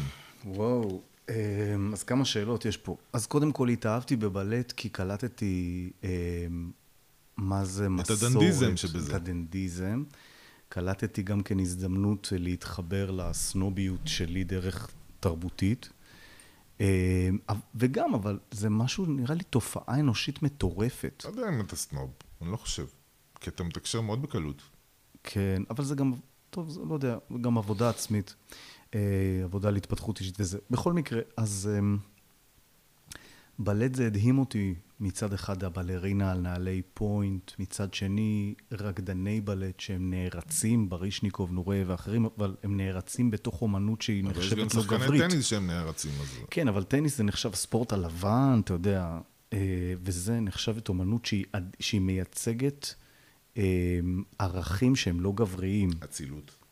דם כחול. עדינות, בדיוק. אז זה עניין אותי, וגם... דנדיזם. כן, וגם רעיונות, אתה יודע, כמו אומנות שהיא כל כך מלכותית, שצמחה ו- ופרחה ברוסיה הקומוניסטית, זה גם דבר שעניין אותי מאוד.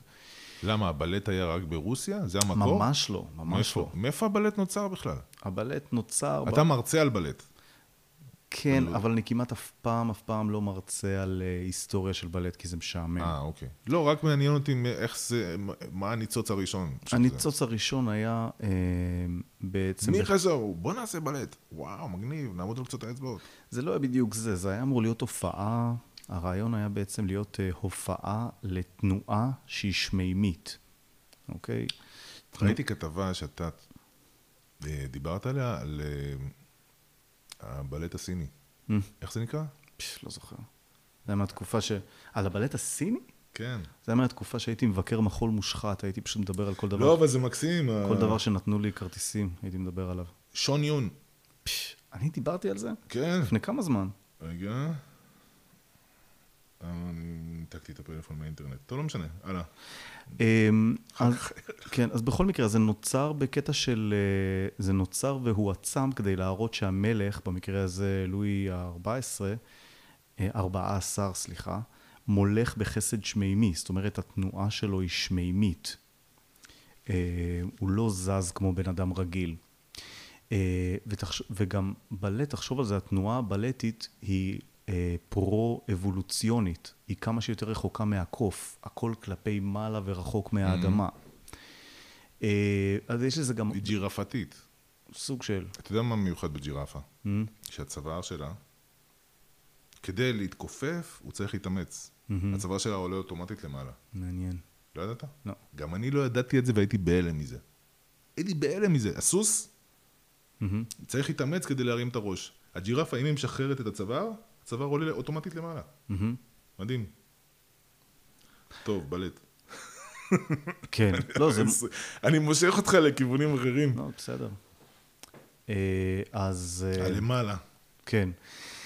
ויש לזה גם הרבה, אתה יודע, אה, משמעות אה, שפת גוף. כי נגיד, אה, כל אה, שפת גוף זה הדבר הראשון שאנחנו אומרים, נכון. בכל מקום שאנחנו מגיעים. אז יש לזה גם משמעות מאוד גדולה. בקיצור, אז התחלתי להרצות על בלט, וכל כך נהניתי, שזה עשה לי חרדות בתקופה הראשונה. אמרתי לעצמי, יואו, אם לא תהיה לי עבודה, מה אני אעשה? זאת אומרת, ממש, כי אני כל כך אוהב את זה, ואז החלטתי שאם לא יהיה לי, אני אעשה את זה בחינם. Mm. כי אני פשוט כל כך אוהב את זה. כמו סטנדאפ. כן. אמ, עכשיו, הקשר של זה, אגב, זה, הקשר של זה, אגב, עם סטנדאפ, זה שאני לא מרצה, רוב העבודה שלי, בטח שבטח בעבר, היום זה קצת שונה, אבל בעבר, רוב העבודה שלי הייתה לא לאנשים שאוהבים בלט, לאנשים שלרוב אין להם מושג מה זה בלט, ואם ולהנגיש יש להם להם. מושג, אם יש להם מושג, אז הם חושבים שהם שונאים את זה. אוקיי. שהם לא מתחברים לזה. והייתי מרצה במקומות, אתה יודע, שבחיים לא שמעו על זה ולא הבינו שאני מגיע, אני עולה לבמה עם התנגדות. אה, אבל הכישרון שלי הוא בעצם אה, להנגיש, אתה יודע, לבוא מתוך מקום של I may not know art, but I know what I like. אוקיי. ואני חושב שגם יש לי את זה בסטנדאפ, זאת אומרת, אני יכול לכתוב בדיחה, ואני יודע להקשיב להקשבה, זאת אומרת, אני יודע אם זה ייפול או לא. כן. רצית לשאול משהו? אה, רציתי לדעת איך הגעת ללונדון ולמה דווקא לשם. אז אני איך אספר. קוראים לאוניברסיטה? אוניברסיטת רו-המפטון. שהיא אוניברסיטה, הייתה ב-2008 האוניברסיטה הכי טובה באמנויות, או ריקוד, לריקוד. עשית מחקר? לא, סתם, דפדפתי. אה, ראיתי ש... כן. שלמדת שם, אז אמרתי, בוא נראה כן, מה זה האוניברסיטה הזאת, כן, וראיתי... כשאני למדתי אני שם. לא עושה מחקר לפרקים של הסט- של הפודקאסט. כשאני למדתי שם, זה היה המחלקה הטובה בבריטניה לחקר מחול. אז איך הגעתי לשם? אז הנה, אה, אני אספר את הסיפור בהרח... בקצר, בקצר, אוקיי. כי אה, אני רוצה לחזור לסטנדאפ. כן. אה, הגעתי במקרה לרוסיה לפסטיבל בלט. איך הגעת לפסטיבל בלט? סתם קנית כרטיס? כן, קשה לספר את הסיפור הזה באופן אוקיי, קצר. הגעת. התאהבתי בבלרינה. הכרנו והתאהבתי ב... הייתי מאחורי הקלעים. כבר חומר לסרט, אחי. כן, לגמרי. הייתי, ב, הייתי מאחורי הקלעים בתיאטרון הבלט הרוסי הגדול בעולם במרינסקי, שמונה ימים, אני והמצלמה שלי. חלום. זאת אומרת, אתה נכנס לשם, זה כמו להיכנס לבניין ממשלתי. ונתנו לך להיכנס? כן. איך שכנעת אותם? בקיצור, אי אפשר לספר את הסיפור הזה. אי אפשר. אני אגיד את זה ככה, הייתי אז מבקר מחול מושחת. ו... תקשיב, זה חומרים מאוד מעניינים. זאת כן. אומרת, בסטנדאפ, אתה יכול אה, להביא איזה קטע מצחיק, אבל אם אתה מביא סיפור מעניין, מהמם. אתה אחר כך מפנצ'ש אותו, וגם אם הוא לא מצחיק, הקהל רוצה לשמוע את הסיפור המעניין שאתה מביא גם. אתה מבין? אז יש לך פה נכסים כן, שאתה יש לי הרבה סיפורים. כן. אז אמ, היית- בקיצור, אני פשוט לא יכול לספר את זה באופן שהוא... בפרק הבא. כן. אז הכרתי מישהי ואני ובלרינה אחת התאהבנו, אה, והיינו ב-long distance relationship. היא באה לפה לא מעט, באתי לשם, ואז תכננו לעבור לגור ביחד בלונדון, שהיא תרקוד שם, ואני אלך ללמוד שם באוניברסיטה. אז אה, נפגשנו בלונדון, והגענו לאוניברסיטה, ואני התאהבתי במקום כליל, ובאותו רגע גם אני ראיתי שהיא הפסיקה, שהיא ויתרה על החלום המשותף, שזה לא היה החלום שלה. אה, אז נפרדנו. אה, היה שברון לב, התנחמתי בלימודי בודהיזם, ואני לא ויתרתי על החלום הלונדוני, והלכתי ללמוד שם, ולמדתי שם, אה, זה הדבר הכי מדהים שעשיתי בחיי. תואר שני באומנות בלונדון, באוניברסיטה כזאת מדהימה, שרוב הלימודים זה, זה יש הנחיה, אבל הרוב זה היה עבודות. אז אה, עבודות באנתרופולוגיה, בהיסטוריה. תואר שני הוא. יותר קליל מתואר ראשון. יותר קל מתואר ראשון. כן. כי זה גם ממש לחקור מה שמעניין אותך. התואר השני שלי הוא בספרות. נו, איך אני... אי אפשר להשוות איזה כיף, אה? ספרות לקולנוע. הקולנוע היה מאוד קשה. כן. באינטנסיביות, בכמות השעות והשיעורים וזה. והספרות היה קלי קלות. אגב, שאני לא אשכח, הנה, קבל הצעה, הזמנה, אם אתה רוצה, תזמין את ההורים שלך, את אבא שלך, תגיד להם, אני אעשה לכם איזה הרצאה עליי, אני אבוא לפה, אחבר את המחשב לטלוויזיה, אני אראה לכם כמה דואטים משחרזאדה, מחולות פולובציאנים של אלכסנדר בורודין והכוריאוגרף מיכאל פוקין, זה נראה לי, אתם תמצאו מזה הרבה קשר לריקודים הגיאורגיים, אתם תהנו מזה. לא, נראה לי שהיום אבא שלי בכלל מעניין אותו מה אתה חושב על הריקודים הגיאורגיים. זאת אומרת, אה, לא, או אוהב- ההשפעות של זה. אם הוא אוהב אומנות, אבל אותי זה תמיד מעניין. בכיף. כל ההקשרים. ממש בכיף. פעם הבאה, בפרק הבא, לפני, אני אראה לך איזה כמה קטע שנים שניים. היית בלונדון? שנה. אה, זה שנה אחת. ואת התזה כתבתי בארץ. עם תזה. כן. אני תואר שני בלי תזה. Mm. אז אתה ממשיך לדוקטורט? לא. זהו, סיימת את הפרק של הלימודים בחיים שלך? כן.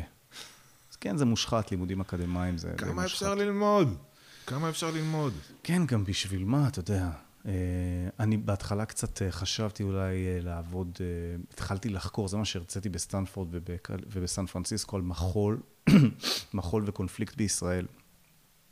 זוועה, זוועה לחקור. כי באמת, יש אנשים מדהימים שעושים הרבה דברים והם פעילים וכאלה, וזה fucking, זה לא אני. אני רוצה ליהנות, אני רוצה ליהנות מהחיים, ואם, אני באמת מצטער, אם העולם קורס סביבי, אז אה, מה לעשות, שיקרוס, אני... כשהופעת פעם ראשונה בסטנדאפ. אה, אמרת לי משהו בסגנון של, אני אופיע עוד פעם, שבוע הבא יש לי הופעה, ואחרי זה אני אחליט אם אני רוצה או לא. מהמם. ואמרתי לך, זה לא עובד ככה. זה מופיע 30 הופעות. כן. אתה לא יכול להחליט אחרי פעם, אחרי פעם שנייה. נכון, עדיין לא החלטתי. אה, אבל התקדמת, אתה, מרגיש, אתה רואה איזושהי עקומת אה, התקדמות, יש לך תובנות. אתה מקליט הופעה שלך? בוו- כן. בוויס? אתה שומע את זה אחר כך? בווידאו, לא רק בוויס. וואלה, וידאו זה קטלני. זה מאוד, אה, זה יכול ליצור אה, ביקורת עצמית, שיכולה לצנזר את, עצ- לגרום לך לצנזר את עצמך. אה, הבעיה- אני לא מקליט וידאו. כן, הבעיה שלי דווקא הפוכה, אני באמת, אני מסתכל על עצמי בצורה חיובית מדי, אז אני פחות מדי ביקורתי אוקיי. לעצמי. אמ, אז מה המסקנות שלי בינתיים מהעשר אצבעות שהופעתי, אפילו פחות? כן. שזה לא רע, בתקופה כל כך קצרה. כן. אני גם שמח, אתה יודע, הזמינו אותי פעמיים אה, לאותו מקום, זאת אומרת, גם בנורמן הזמינו אותי פעם שנייה, וגם... אה, הזמינו אותך, אחי, בטח, למה לא? כן, לא, זאת אומרת, I don't suck, לפחות. אמ, אז מה המסקנות שלי? קודם כל, שתי הנפילות שלי, הייתי עם סט שלא ידעתי בדיוק מה אני עושה. זאת אומרת, היו לי כמה רעיונות ולא החלטתי עד הרגע האחרון איזה. אז אין דבר כזה יותר. אני, אה, מה שאני עושה, אני יודע בדיוק על מה אני מדבר, וזה משונן וזה, ומקסימום אם יש לי, אני אצור זנב בסוף. מהמם. זה מה שעבד לי בערבים שעבדו, וזה מה ש... אתה סופר צחוקים? לא. בהקלטות? אה, לא, אני שומע, מה זה סופר? צחוקים לדקה. לא. אני סופר צחוקים לדקה. כן, יש בזה ערך? קראת את זה בספר? אה, כן. אה, רוזנפילד מדבר על אה, laughs per minute. תקשיב, אני שמע, אני לאחרונה ראיתי אה, סטנדאפ חדש של אה, הג'ינג'י הזה בנטפליקס, ראית את זה אולי? אה, לואי סי קיי. לא, מה פתאום, אני לא יודע מי הוא זה ג'ינג'י, לואי. לא יודע. אוי ואבוי, אם אני לא יודע מי זה לואי, התנתק את השיחה. לא, חשבתי. שאמרת את זה בציניות. לא, לא, לא, לא, לא. הוא- הוא יותר ג'ינג'י, fucking, לואי סי קיי הוא שחור לידו. רגע, יש לו... אה, נמוך כזה רזה? לא, לא, ראית את הס- ראית את הסדרה אני דייב? סתם ממציא. ראית את הסדרה דייב? לא. אוקיי, לא משנה. אה, הוא כי פשוט משחק בסדרת דייב. הנה, אנדרו סנטינו. חדש. אני חושב שקרן בק פוגל אמרה את זה בפרק שלה. יכול להיות. הוא ממש מעולה. אה, איזה בדיחה הייתה לו. באמת? וואו, איזה בדיחה רצח אותי. צחקתי בקול. זאת אומרת, נהגתי ושמעתי את זה וצחקתי בקול. אה, לספר אותה? כן? אז יש לה כזה קטע שהוא אומר, אה, כזה, חושף כזה, אני אעשה פרפרזה איך הוא, אומר את זה. אז אה, אני לא מתבייש לומר, אני, כשאני עושה ביד, אני קצת, קצת מדגדג את עצמי בפי הטבעת. כן, אני לא מתבייש לומר את זה, זה ככה. אה, עם. השערה? לא, לא, לא. זה ככה זה, ומאז שאני מכיר את עצמי בעצם, אז אני נוגע בעצמי שם קצת בתחת, אני שם את היד וזה, אז אנשים יכולים לחשוב אולי ככה, ואולי לחשוב אולי ככה. אני שלם עם עצמי. וזה לא כמו שמישהו תפס אותי פעם, אני מאונן, אז אני שם אה, אצבע, זה בסדר. ואז אתה יודע, פעם לפעם שהוא חוזר על זה, בסוף הוא מגיע לפיסטינג. מוגש כל כך יפה, כל כך מצחיק. איפה הפער הקומי? איפה הפער הקומי בין... אה, בקטע שלו. כן, הפער... אני לא ראיתי את הקטע, אבל אני יכול לדמיין. הפער הקומי זה הרצינות שבה הוא מספר את זה, לעומת הסיטואציה המופרכת והקיצונית הזאת שהוא מתאר למופע שהוא מיינסטרים. גם, והפער הקומי הוא אה, ב... אתה לא באמת יכול... לא, לא נראה לי שאתה יכול להכניס לעצמך אגרוף לתחת. אה, זה- זה הקיצוניות, זה מה אבל, שאני אומר. וגם הפער הקומי הוא בין זה שבן אדם אה, כביכול חושף את עצמו, אבל בעצם הוא התחיל, ב... אבל זה בעצם שקרי, כי הוא כזה, הוא חושף את עצמו לאט לאט אה, הוא. נאבק בזה. כן, בדיוק, כזה, הוא אומר כזה, הוא מכניס לך את זה בדלת האחורית, זה כן. מתחיל בדגדוג ומגיע לאגרוף. יפה, זה מתפתח.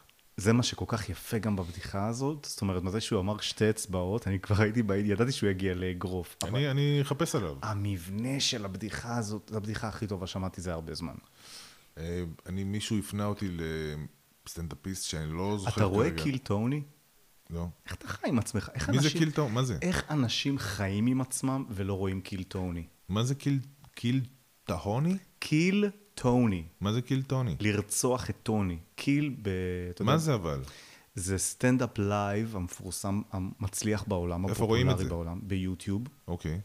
וטוני הינצ'קליף, אתה יודע מי זה? לא. סטנדאפיסט גם, מאוד מצליח. אתה ממציא פה שמות, אני אחר כך אבדוק אם הם קיימים. תקשיב, טוני הינצ'קליף הוא אה, סטנדאפיסט, הוא roaster, כן? וזה... אני לא אוהב roast, אבל... אה, לא, לא, אבל הוא ענק. אלא אם כן זה טוב. הוא זה ענק. ממש טוב. אז כבר עשר שנים הוא עושה את התוכנית הזאת יותר, אז uh, הוא מזמין קומיקאים אחרים שיושבים איתו בפאנל, וקומיקאים uh, באים להגריל דקה. אז הוא מושך מתוך דלי שם, וזה יכול להיות מישהו תותח שכבר עשר שנים, יכול להיות מישהו שזה פעם ראשונה שלו, אז מישהו בא, נותן דקה של סטנדאפ, ואז הוא מראיין אותם, מדברים, מדבר איתם. דקה, וואו, זה קטלני. ענק. תקשיב, מאז שאני מכיר את התוכנית הזאת, שזה חצי שנה בערך, אין לי בעיית פקקים יותר. באמת. אני, אני, יש פה המון הפניות שאתה נותן, ואני תקשיב, Kill. Tony, וואו. וואו, אני מת, אני מת לנסוע לטקסס, לאוסטין. אתה יודע שעכשיו אוסטין, טקסס זה המקה של ה comedy בעולם. באמת? כן, לא. כן. אחי, אני עדיין עוד לא השתלטתי על המקום שלי בקומדיה פה, אז אני לא חושב על העולם בכלל. אוסטין, טקסס. Kill Tony שם, ג'ו רוגן. מה, מה יש באוסטין, טקסס? איזה, אז- איזה איבנטים יש שם? יש שם? יש שם כל מיני, מלא מועדוני אה, קומדיה, מלא סטנדאפיסטים עברו לשם. אוקיי. קודם כל מדהים שם, בלי קשר ל... לא הייתי בטקסס. ל... אה, לא, אני, חרשתי את כל ארצות הברית. אני חושב שאני אסע, אבל לפני 20 ומשהו שנה. אני לא יודע איך זה היום, בטח הרבה דברים השתנו. נראה לי שאני אסע באפריל לטקסס, אני לא עומד בזה. ג'ו רוגן עכשיו פתח אה, גם כן מועדון אה, קומדי באוסטין, ומופיעים שם מטורפים, רון וייט שם, ומלא תותחים. מישהו הפנה אותי לאיזה סטנדאפיסט שאני כרגע לא זוכר את השם שלו, אבל הקטע ש... והוא עושה שם, מה זה יפה, גם, יש שם פער קומי בין הרצינות שהוא מספר את זה למה שהוא מספר, שהוא היה אה, פקיד אה, דלפק אה, קבלה באיזה מלון קטן, מלון בוטיק, והוא מתקשר לאיזו אורחת במלון, והוא אומר לה, גברתי, שלום, אני מהקבלה, ויש פה שיחה של מישהי שרוצה לדבר איתך. אז היא אומרת לו, מי זאת? תשאל אותה מי זאת. אז הוא אומר לה, אני כבר יודע מי זאת, זאת אימא שלך. אז היא אומרת לו, זה לא יכול להיות, אימא שלי נפטרה לפני שמונה שנים. אז הוא אומר לה, זאת הסיבה שאני חושב שכדאי שתקבלי את השיחה הזאת. חמוד. נכון? איזה יופי. לקובי סימנטוב יש קטע כזה, שמעת את קובי סימנטוב? הוא הופעתי איתו פעמיים, גם מתחיל. אוקיי. אז יש איזה קטע שהוא... קובי, אני מת עליו. כן, הוא טוב, עליו. הוא טוב. כן, מה אז- זה מתחיל? התחלנו ביחד. אה, כן? כן. אז, אה, אז יש לו כזה קטע, אתמול שמעתי את הקטע הזה בפעם השנייה, שהוא אה, לקח טלפון של מישהי שמתה, והיה לה- היה לה טלפון, וקיבלה הודעה, אז הוא כתב הודעה חזרה. אז חשבו שהוא רוח רפאים. כן. תשמע, אני ראיתי את ההתפתחות של קובי. אה, כאילו, במקביל, ויש לו פוטנציאל עצום. לא, טוב, טוב. איזה סטנדאפיסטים אתה הכי אוהב בעולם או בארץ? בעולם? אה, נייט ברגצי, וואלה, לא נראה לי שמעתי אותו. אה, אבל לא את המופע השני שלו, את המופע הראשון שנקרא הילד מטנסי. יש את זה בנטפליקס. אה, כמובן שאדי מרפי, אה, אה, אהבתי מאוד את ההומור של וודי אלן, כמובן שאת כל הסרטים שלו. ברור, גם אני. כל האנסים, בקיצור. ביל קוסבי, אה, אתה יודע, הוא לא אנס. לא יודע. וודי אלן. אה, לא, אני מדבר על ביל קוסבי. ש... סתם, אני לא, לא אוהב את האנסות שלהם, אני אוהב פשוט את הקומדיה שהם עשו. רובין וויליאמס, מטורף, ג'ים קרי כמובן, כן. אבל מהעכשוויים, למדתי להעריך את לואי סי קיי. לא אהבתי אותו עליו. מההתחלה. לא, לא, לא אהבתי, הוא היה לי קשה מדי לה- לעיכול. ואמרו לי, מה? איך אתה לא יכול לאהוב אותו? אז למדתי לאהוב אותו, ואני חושב שהוא גאון. אני חושב שהוא גאון. כן, אה, גאון. שאפל. אה, את קווין הארט אני לא כזה מת עליו. קווין הארט נחלש עם השנים. גם כשהוא היה חזק, לא כזה התלהבתי מההייפ שהיה מסביבו. עכשיו תקשיב, אנחנו באים פה, נותנים ציונים לקווין הארט, אתה מבין? כן, יפה, יפה. אה, ביל בר, אני חולה. לא, לא מתחבר אליו. יואו, ביל בר אחד ה... ג'ו רוגן, ביל בר, לא מתחבר אליהם. ג'ו רוגן חמוד, אבל ביל בר, וואו, תקשיב, ה- אז אולי, אתה יודע, לוקח לי זמן להבשיל. אחד הספיישלים הגדולים נראה לי שאי פעם נעשו, זה Walk Your, walk your Way Out. ראיתי של, את זה. של ביל בר. ראיתי את זה, לא... ענק. לא, אחי. עם לא- הקטע לא שלו, עם- עם. הקטע שלו עם שוורצנגר. He's been in the zone for four decades. לא, לא. וואי.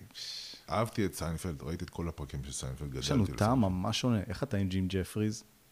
לא מסוגל לשמוע אותו. וואו. אני לא אבל- מסוגל עם אבל- המבטא הזה. אבל ג'ים ג'פריז הוא גם... אה, אני חושב שהוא מצחיק, אבל אני לא, הוא לא מהפייבוריטים שלי. לא, אבל ג'ים ג'פריס גם נהרס. שהוא נהיה מיינסטרימי, פש, תקשיב, מזעזע. יש סטנדאפיסטית שקוראים לה אה, נטשה לגרו. שמעתי, אני לא אומר את ראיתי. השם נכון, עם בעלה משה קשר, כושר. אה, יש להם מופע משותף. עלי וונג, אהבתי את המופע הראשון שלה, ואני לא אוהב את ה... היא קצינה מאוד, היא- זה כבר מגעיל, כבר אה, אה, החומרים שעכשיו היא עשתה. מי עוד? מי עוד? אה, זהו, זה מה שעולה לי בראש. ג'ימי קאר, זה הומור אנגלי אתה. מתגרד. ממבטא בריטי, אני מבין. לא, זה מונוטוני, זה מונוטוני לי, מדי. אתה מבין? אני מאוד אוהב שסטנדאפ הוא מגוון. אני, אה, בשבילי, אני חושב, אני חושב שהכי אני מושפע מביל בר. וואלה. כן, זה מאוד רחוק ממך מבחינה סגנונית, לא? אני לא חושב. כי הוא מאוד אובר משוחרר, הוא פרוע, הוא...